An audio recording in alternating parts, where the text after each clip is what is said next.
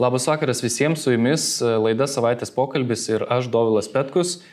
E, kaip žinia, netrukus minėsime ir Birželio sukilimą ir e, prisimenant šį laikmetį kyla pačių įvairiausių interpretacijų, kai kas sako, kad mūsų istorija yra siekiama perrašyti ir ar tai tikrai vyksta ir kasgi tie perrašinėtojai, mes šiandien bandysime pasiaiškinti su žurnalistu ir istorijos tyriejų bei knygos Kūjų per Lietuvos istoriją autoriumi Daliumi Stancikiu. Daliu, sveiki. Sveiki.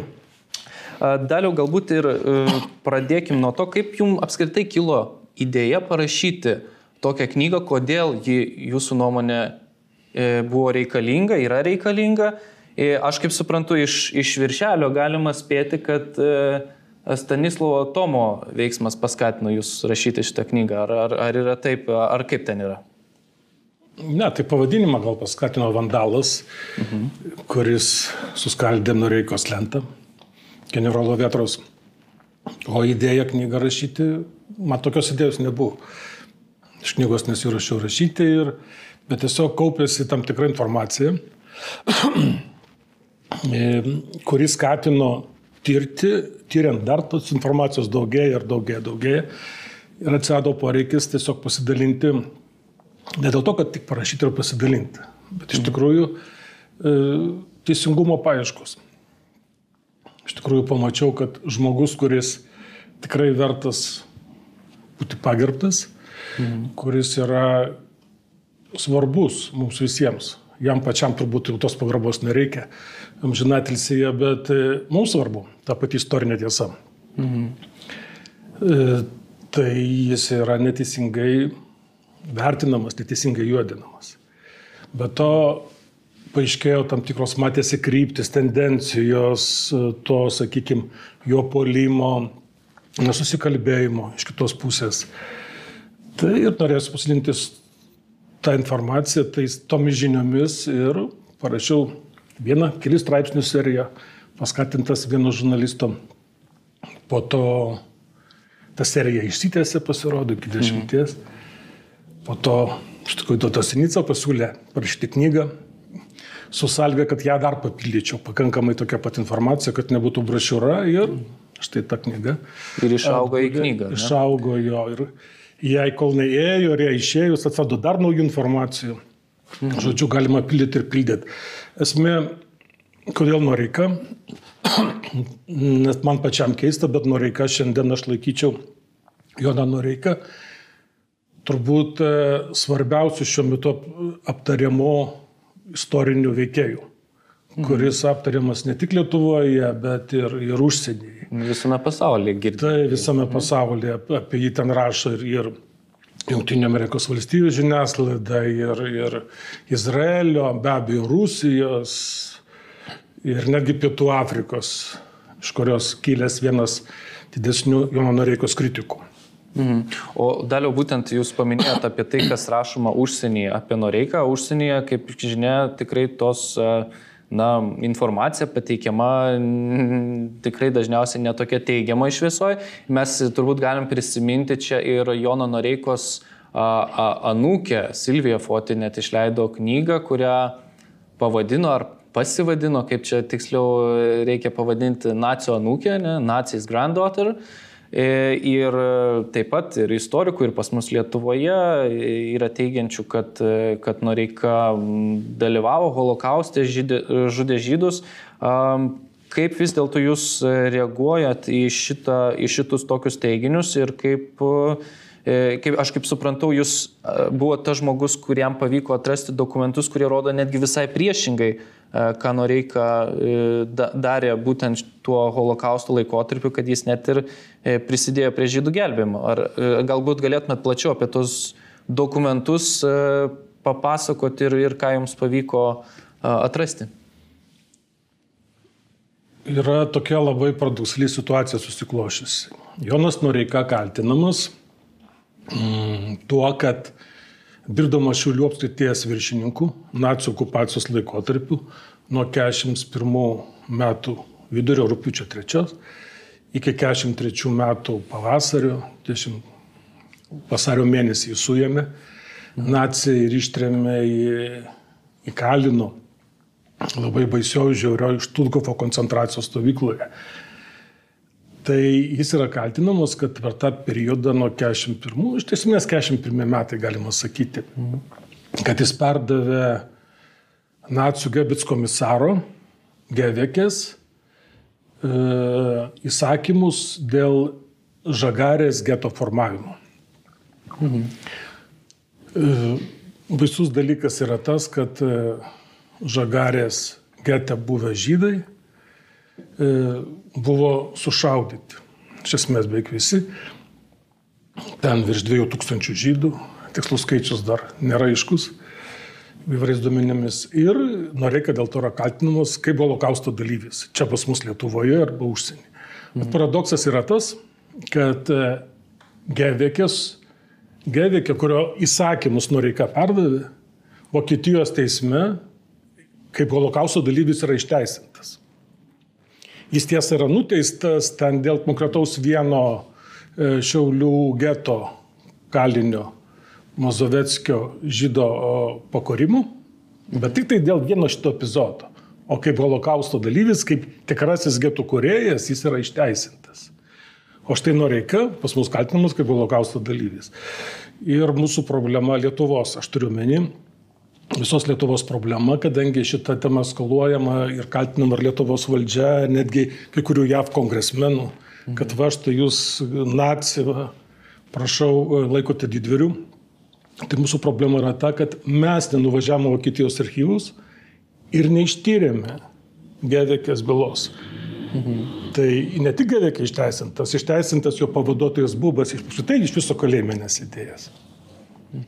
Mhm. Tai mums reikia tų argumentų ir, ir, ir žinoti, kaip čia taip nutiko.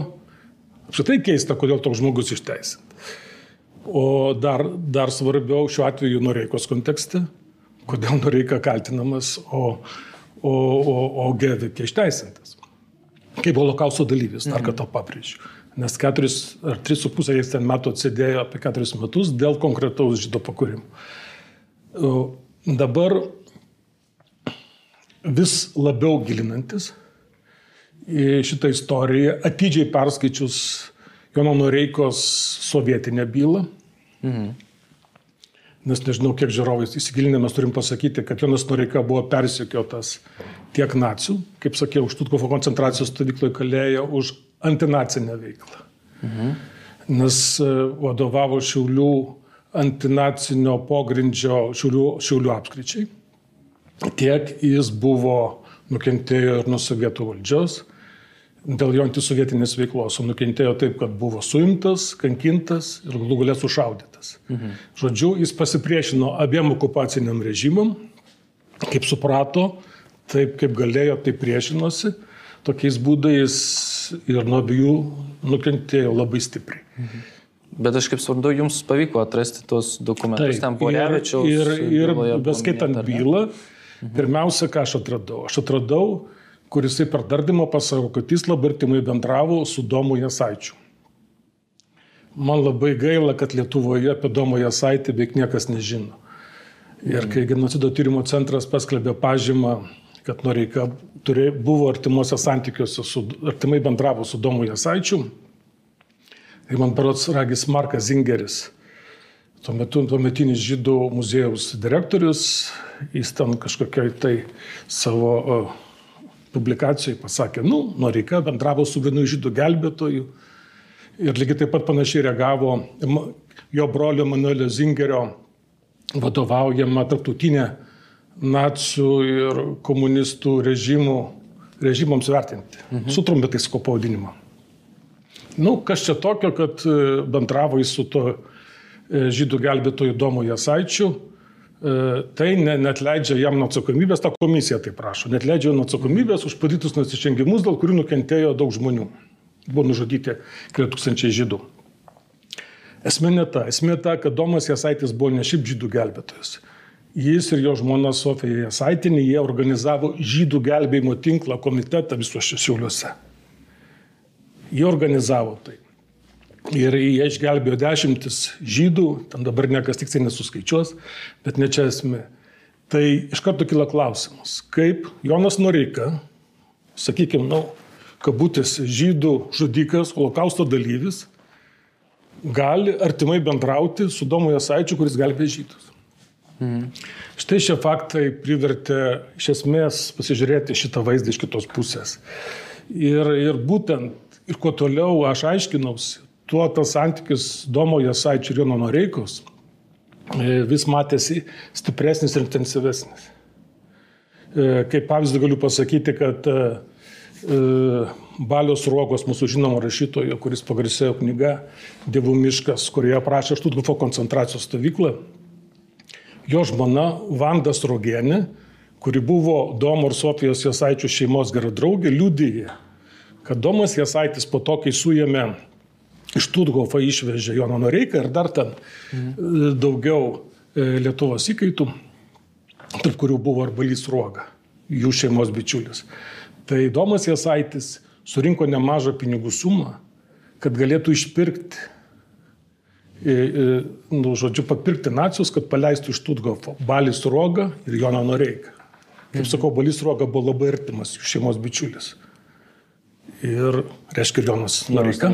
Taip pat. Mhm. Tai va, tai šitame kontekste, šitame kontekste e, pavyksta atrasti, čia ne tiek, kad tiesiog aš atrodau, e, bet e, čia daugiau jezuitai, kadangi buvo mm, jezuitų kunigo Jono Barevičiaus, kuris taip pat buvo gyveno Šiauliuose tuo laikotarpį ir gelbėjo žydus, mhm. buvo statomas jam paminklas, kaip atminimo paminklas kaip žydų gelbėtojų. Ir buvo tyrima jo medžiaga ir buvo rasta, kad jisai 87 metais Junktinių Amerikos valstijų Čikagoje teisme. Ten, tik sakant, toks buvo prieš teisminis, ten tokia Amerikos sudėtinga sistema, kad prieš te, teismo prie, prieš teisminis procesas. Mhm. Ten ta byla paskui iki tikro teismo nenuėjo. E, tai liūdėjo, kad būtent kunigas Jonas Barevičius liūdėjo, kad žydų gelbėjimui jį paska, paskatino Šiaulių apskrities, jis ten sako vakarų apskrities, dalies vakarų apskrities, Antinacinio pogrindžio lyderis Jonas Noreika. Tai, tai va, bet e, žiūrint toliau, kadangi kai kurie mūsų ten istorikai, politikai ir, ir žurnalistai bando sumenkinti Jono Barevičius liūdėjimą, mhm.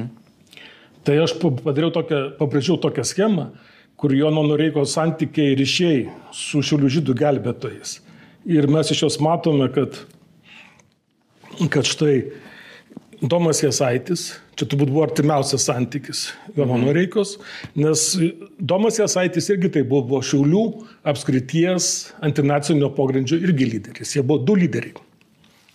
Tačiau tiek skirtingų, nu, šalinančių sistemų. E, kunigas Jonas Barevičius, čia jo liūdėjimas. Mhm. Bet lygiai taip pat Jono Noreikos labai artimi santykiai yra dar su trimis žydų gelbėtojais, čia yra antinacinis laikotarpis, o čia mhm. antisovietinis. Mhm. Tai Balys Ruoga, kuris taip pat pripažintas oficialiai žydų gelbėtojų mūsų rašytojas.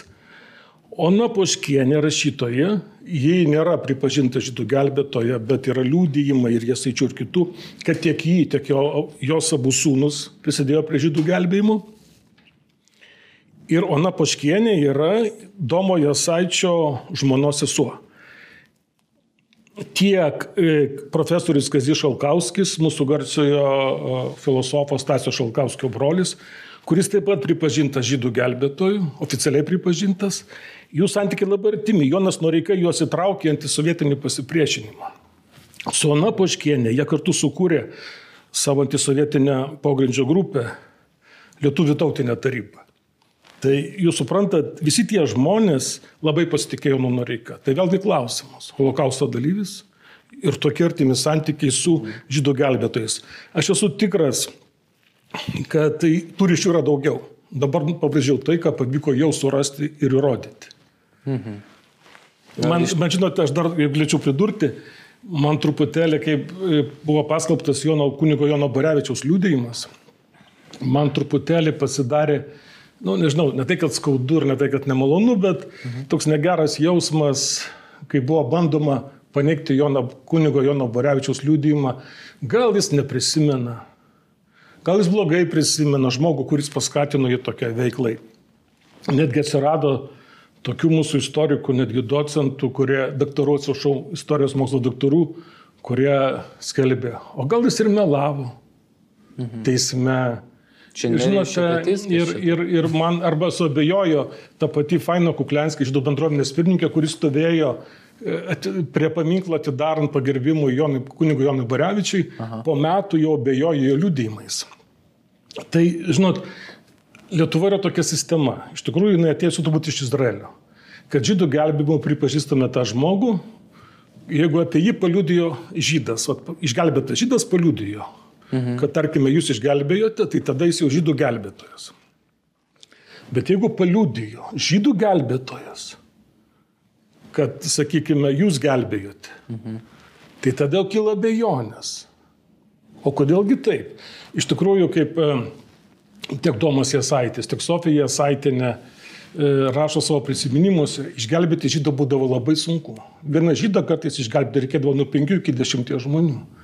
Nes kas tai yra? Tai reikia, sakykime, jam pabėgti, pavyzdžiui, padėti pabėgti iš geto. Arba, na, nu, jeigu jis lapstėsi ir nebegali tai tai slapstytis. Jam reikia suorganizuoti dokumentus, jam reikia suorganizuoti jį pervežti kažkokią vietą. Tas dažniausiai būdavo, sakykime, saugiausia pas ūkininkus, kur mažiau atvyksta reikia suorganizuoti, kas tą padarys. E, paskui maitinimas organizuoti, nes karo metas su maistu striuka. Visą tai įtraukta nemaža grupelė žmonių, suprantat. Ir tie žmonės dažnai, jie net nematė to žydo, kuris buvo išgelbėtas. Jie tos dalykus organizavo, jie darė pervežimą, ar ten organizavo maistą arba dokumentus, jie nežinojo, kam bus perduoti. Mhm. Nes, kaip sakė, daugiau žmonių įtraukta buvo net. Būtent. Mes, ir mes jų nepripažįstam kaip žydų gelbėtojais, nors visi jie rizikavo savo gyvybę. Jeigu būtų jie pagauti, jam grėsė visiems mirties bausmė ir ne tik jam, jų šeimom, nes nacijai buvo paskelbę, kad ir jų šeimos taip pat. Mhm.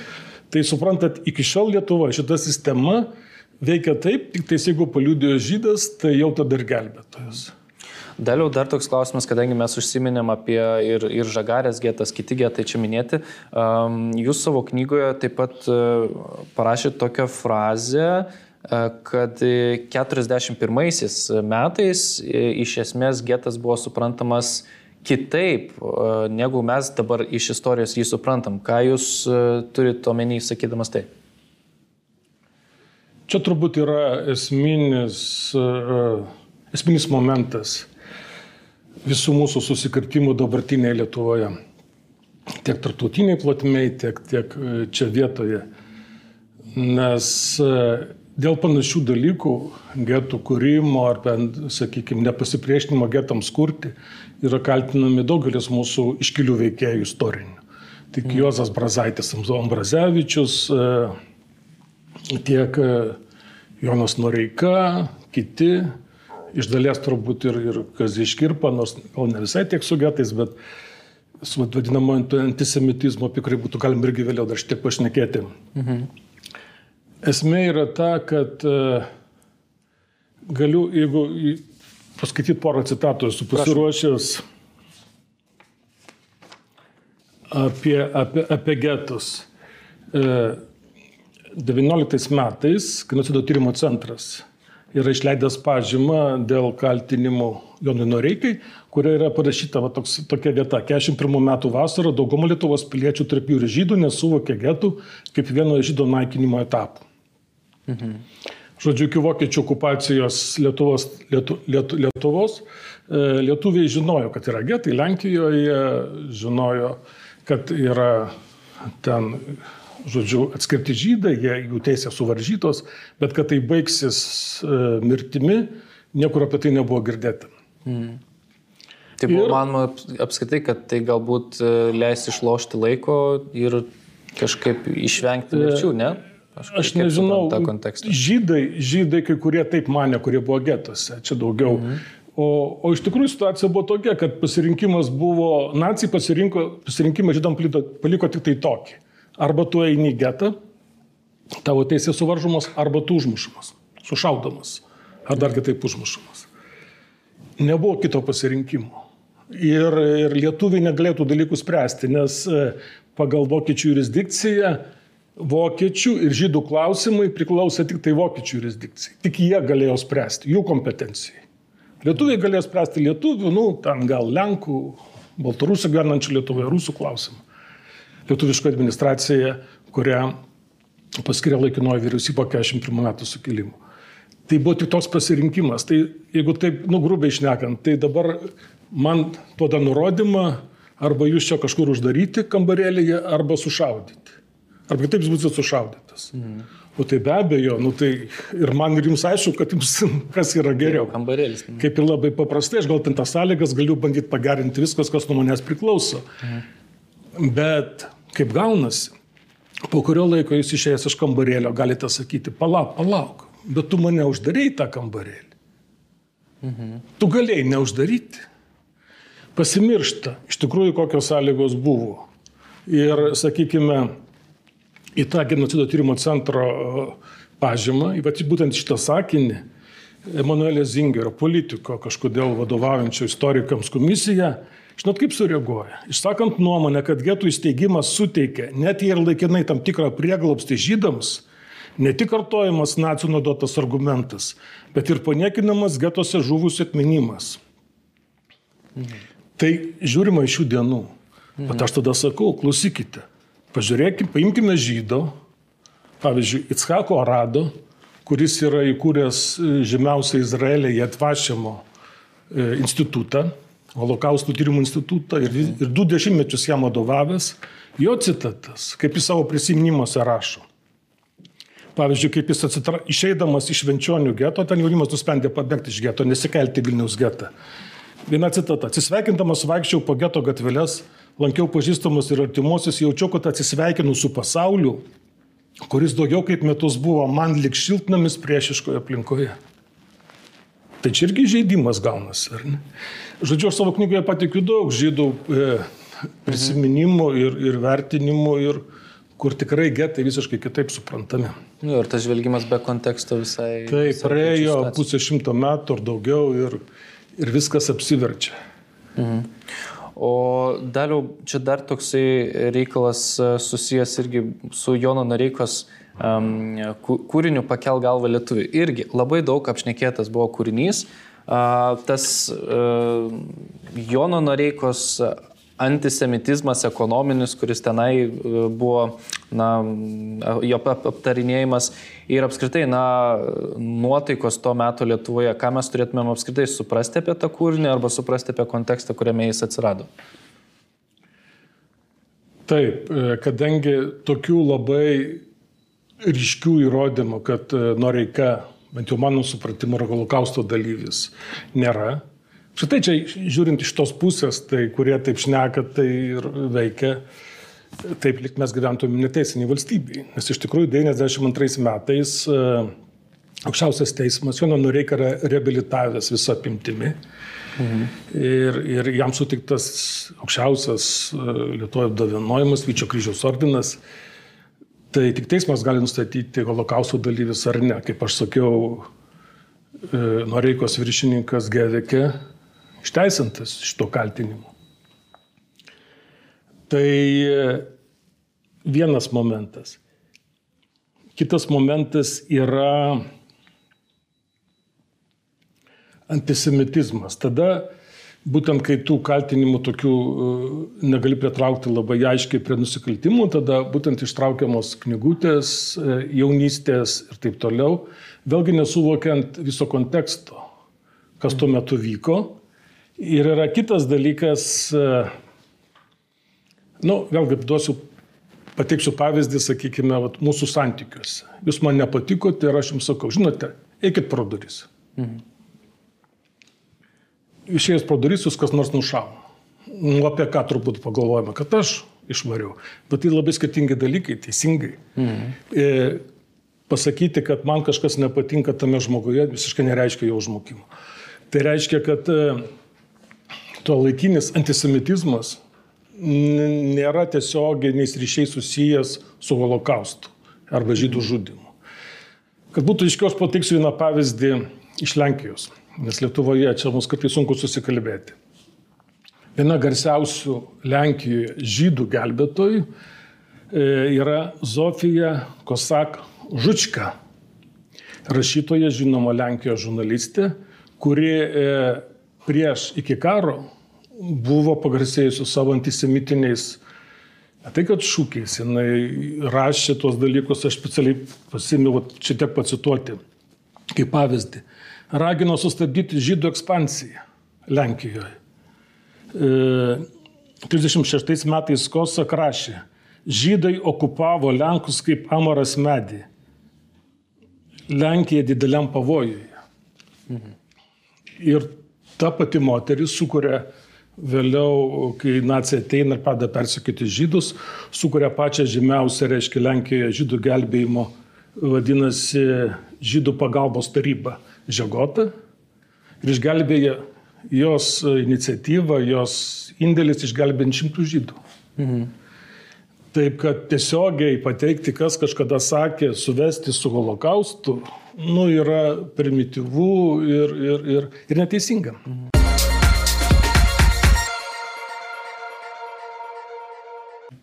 Man, man beje irgi, klausantis šitos istorijos, kilo iš atminties toks dalykas, kurį man teko skaityti e, iš tarpukario žurnalų dar Vilniuje ir ten aprašomas atvejis yra, kuomet uh, žydai sumušė savo tautietį, kad jis nuėjo, reiškia, į kitą taučią parduotuvę. Tai kaip galim sakyti, kad tos įtampos tokios tautinės jos iš, iš įvairių pusių buvo ir, ir, ir, ir tie patys žydai irgi galbūt skatino nesilankyti kitų parduotuvėse, neremti kitų verslo ir, ir panašus dalykai. Aš atsiprašau, galėčiau įstarpti. Būtent, mm. žinot, kas labai geras pavyzdys yra Vincas Kudirka, mūsų himno autorius. Nes čia ir dabar, vat, kai kurie e, holokausto tyrėjai ir pakankamai iškilus iš užsienio, kurie šiek tiek susigaudo Lietuvos situacijoje, sakau tik šiek tiek, tai patikė, kad, nu, vat, Vinsas Kudirka, net jūsų gimno autorius, toks iškilus veikėjas, irgi buvo antisemitas. Bet tada kažkodėl nutylima visas kontekstas. O kodėl jisai buvo, sakykime, tas ekonominis antisemitas, kuris tikrai ten neš, nešaukė, kad žudyt, varyti ir taip toliau. Bet, e, pavyzdžiui, jam atvykus, e, e, baigus mediciną ir atvykus į Lietuvą, man atrodo, kad jis Varšuvoje baigė, jeigu neklystu, atvykus į Lietuvą gyventi ir dirbti daktaru, kadangi tenais daktarai vyravo žydai pagal tautybę, tai jie susivienijo, jiems nereikia konkurencijos jie susivienijo ir stengiasi, kad net negalėtų gauti išsinuomoti būto, būto Vicas Kudirka, kur gyventi, jau kad ten jau pradėti dirbti kaip daktaru. Tai va tie, tie momentai e, grupiniai, gal sakykime, kai kur tautiniai, kai kur mano kiemo interesas, tai jie buvo ir šiaip ir šiais laikais turbūt dar būna. Mhm. Bet tai visą tai e, ne, ne, neprieina dažnai iki, iki žudinių, ypač masinių. O daliau būtent kalbant apie tą įtampas tarp, tarp lietuvių žydų ir, ir tą neapykantą 41 metais, um, mes dažnai e, toks irgi aptarinėjimas yra faktas apie tai, kaip žydai buvo e, įsitraukę į tos pirmosios okupacijos laikotarpį sovietinės struktūras.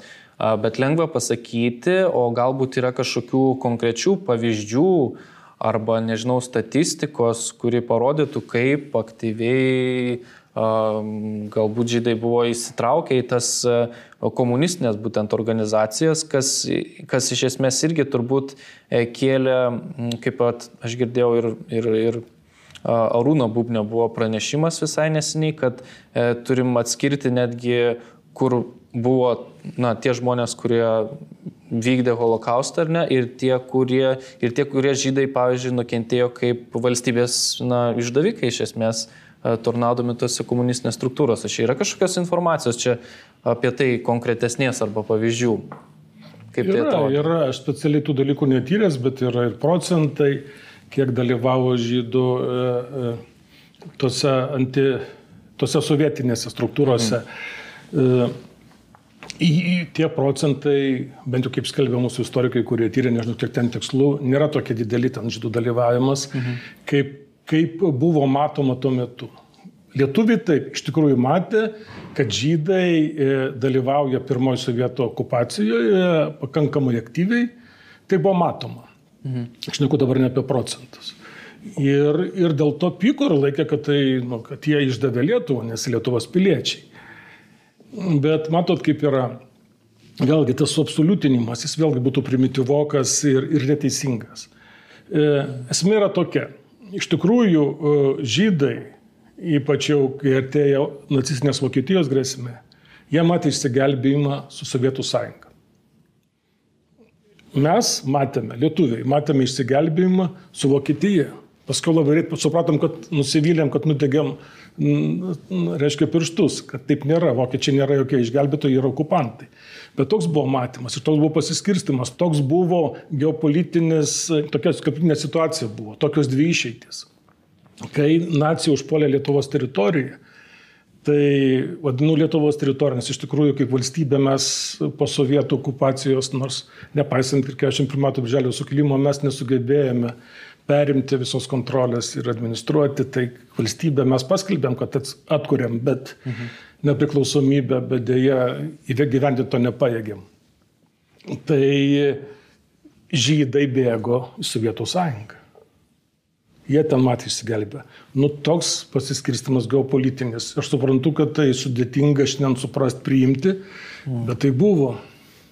O būtent jūs užsiminėte apie Birželio tą sukilimą ir e, čia kai kurie ir, ir, ir, ir žydų istorikai, ten berots ir, ir Levinas, ir ar, ar ten tie holokausto tyrinėtojai Aradas, jie būtent uh, ir, ir sakydavo, kad Birželio sukilimo nuo holokausto atskirti ir jų dalyvių yra neįmanoma. Ar, o kaip jūs galvojate, ar vis dėlto įmanoma ir kuo jūs, kuo jūs tai grindžiate? Sukilimo susijimas su holokaustu yra KGB paskleista istorinė legenda. Mhm.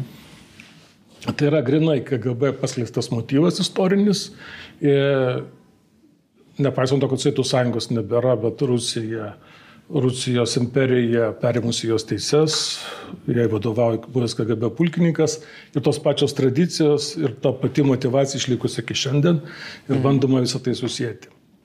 Iš tikrųjų, sukilimas turėjo labai aišku, kilnų ir paprastą tikslą - atkurti nepriklausomą Lietuvą. Šitas tikslas trukdė tiek nacistinė Vokietijai, mhm. nes Škirpai esančiam Berlyne buvo pasakyta to nedaryti, Škirpa po to, kai nepakluso, Lietuva vis tiek tą atliko. Tai buvo suimtas namų areštas pritaikytas, jis mhm. negalėjo atvykti vadovauti laikinai vyriausybė, kai buvo sumanyta. Ir be abejo, Sovietų sąjungai, tai buvo toks peilis, toks, sakykime, nežinau, antausis viešas. Kai tokia maža valstybėlė, ten keli milijonai žmonių sugebat masiškai iš tikrųjų pakilti ir, ir varyti juos iš okupuotos Lietuvos, tai nu, aš manau, kad iki šiol negali jie to atleisti ir, ir tai, yra, tai yra grinai KGB istorinė KGB sukurta istorinė versija, be abejo. Reikia pripažinti, kad buvo sukilėlių, kurie vėliau susitepė krauju ir, ir, ir dalyvavo holokauste. Ir tai yra faktai. Bet kažkodėl, bet kai šitas kleidžiama, labai pamirštama, kad yra sukilėlių, kurie yra žydų gelbėtojai. Ir aš pradėjau truputėlį žiūrėti ir jų yra ne vienas ir yra iškilus. Tai vad Domas Jasaitis, apie kurį aš jau minėjau, Mhm. Tai yra sukilimo dalyvis. Ir vienas aktyvesnių šiaulių krašte. Mhm. Tai ir tų pavyzdžių yra daugiau. Ir jie ryškus. Ir čia vėlgi mūsų apsileidimas gal šiek tiek, kad mes jų neišryškinam. Tie žmonės turi būti ypatingai pagerbti ir mes turim surinkti duomenis apie tai. Nes dabar tik tai renkama duomenys, primetama žaidimas iš Kremliaus pusės, kai, kai renkami duomenys, kiek sukilėlių buvo holokausto dalyviai. Tai neteisinga.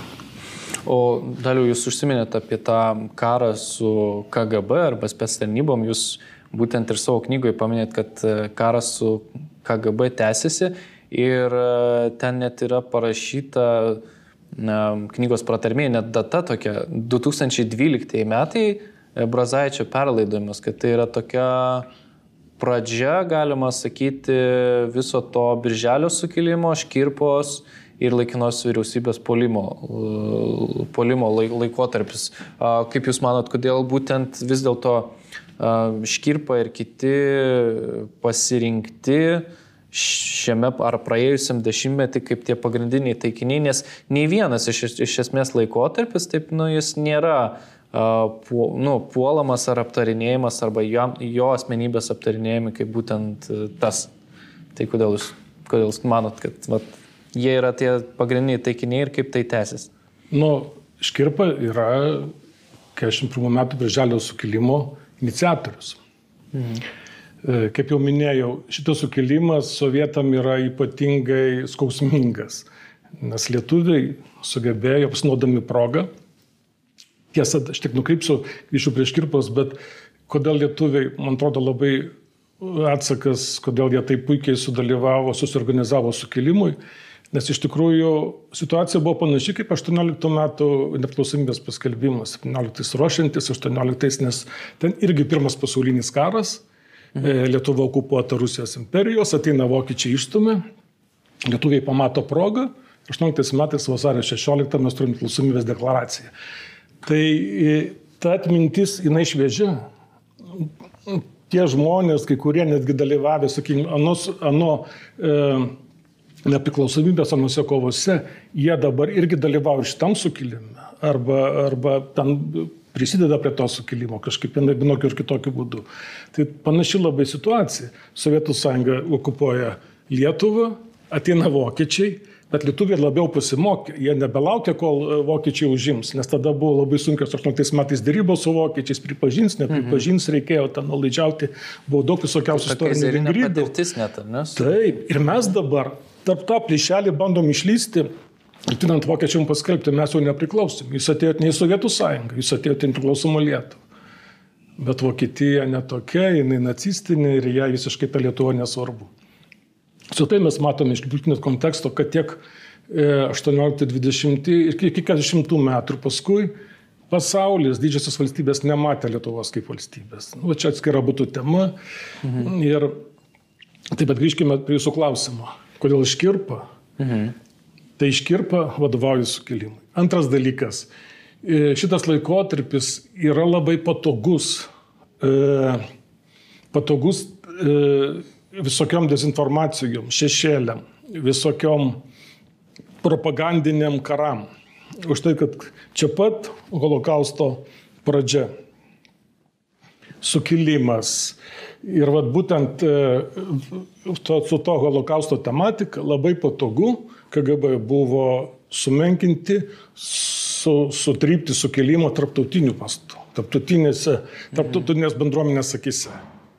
Ir tas buvo daroma ir sąsajos yra iki šiol, nes iš tikrųjų, žiūrėkime, dar daug pasaulinio garso istorikų remiasi KGBistų parašytomis knygutėmis. Mhm. Jeigu mes minėsime Juozą Ambrazevičių Brazaitį, mhm. laikinosios vyriausybės vadovą, tai įsivaizduokite, kai jau jisai su frontu pasitraukė į Ameriką ir ten gyveno, polimai prieš jį prasidėjo tada, kai KGB išleido knygutę anglų kalba, Documents Accused, faktai kaltina, anglų kalba. Ir ten Brazaitis buvo jo apkaltintas, ten neva kaip irgi nepasipriešinęs ar padėjęs getus kurti ir taip toliau, kaip, kaip nacijų kolaborantas.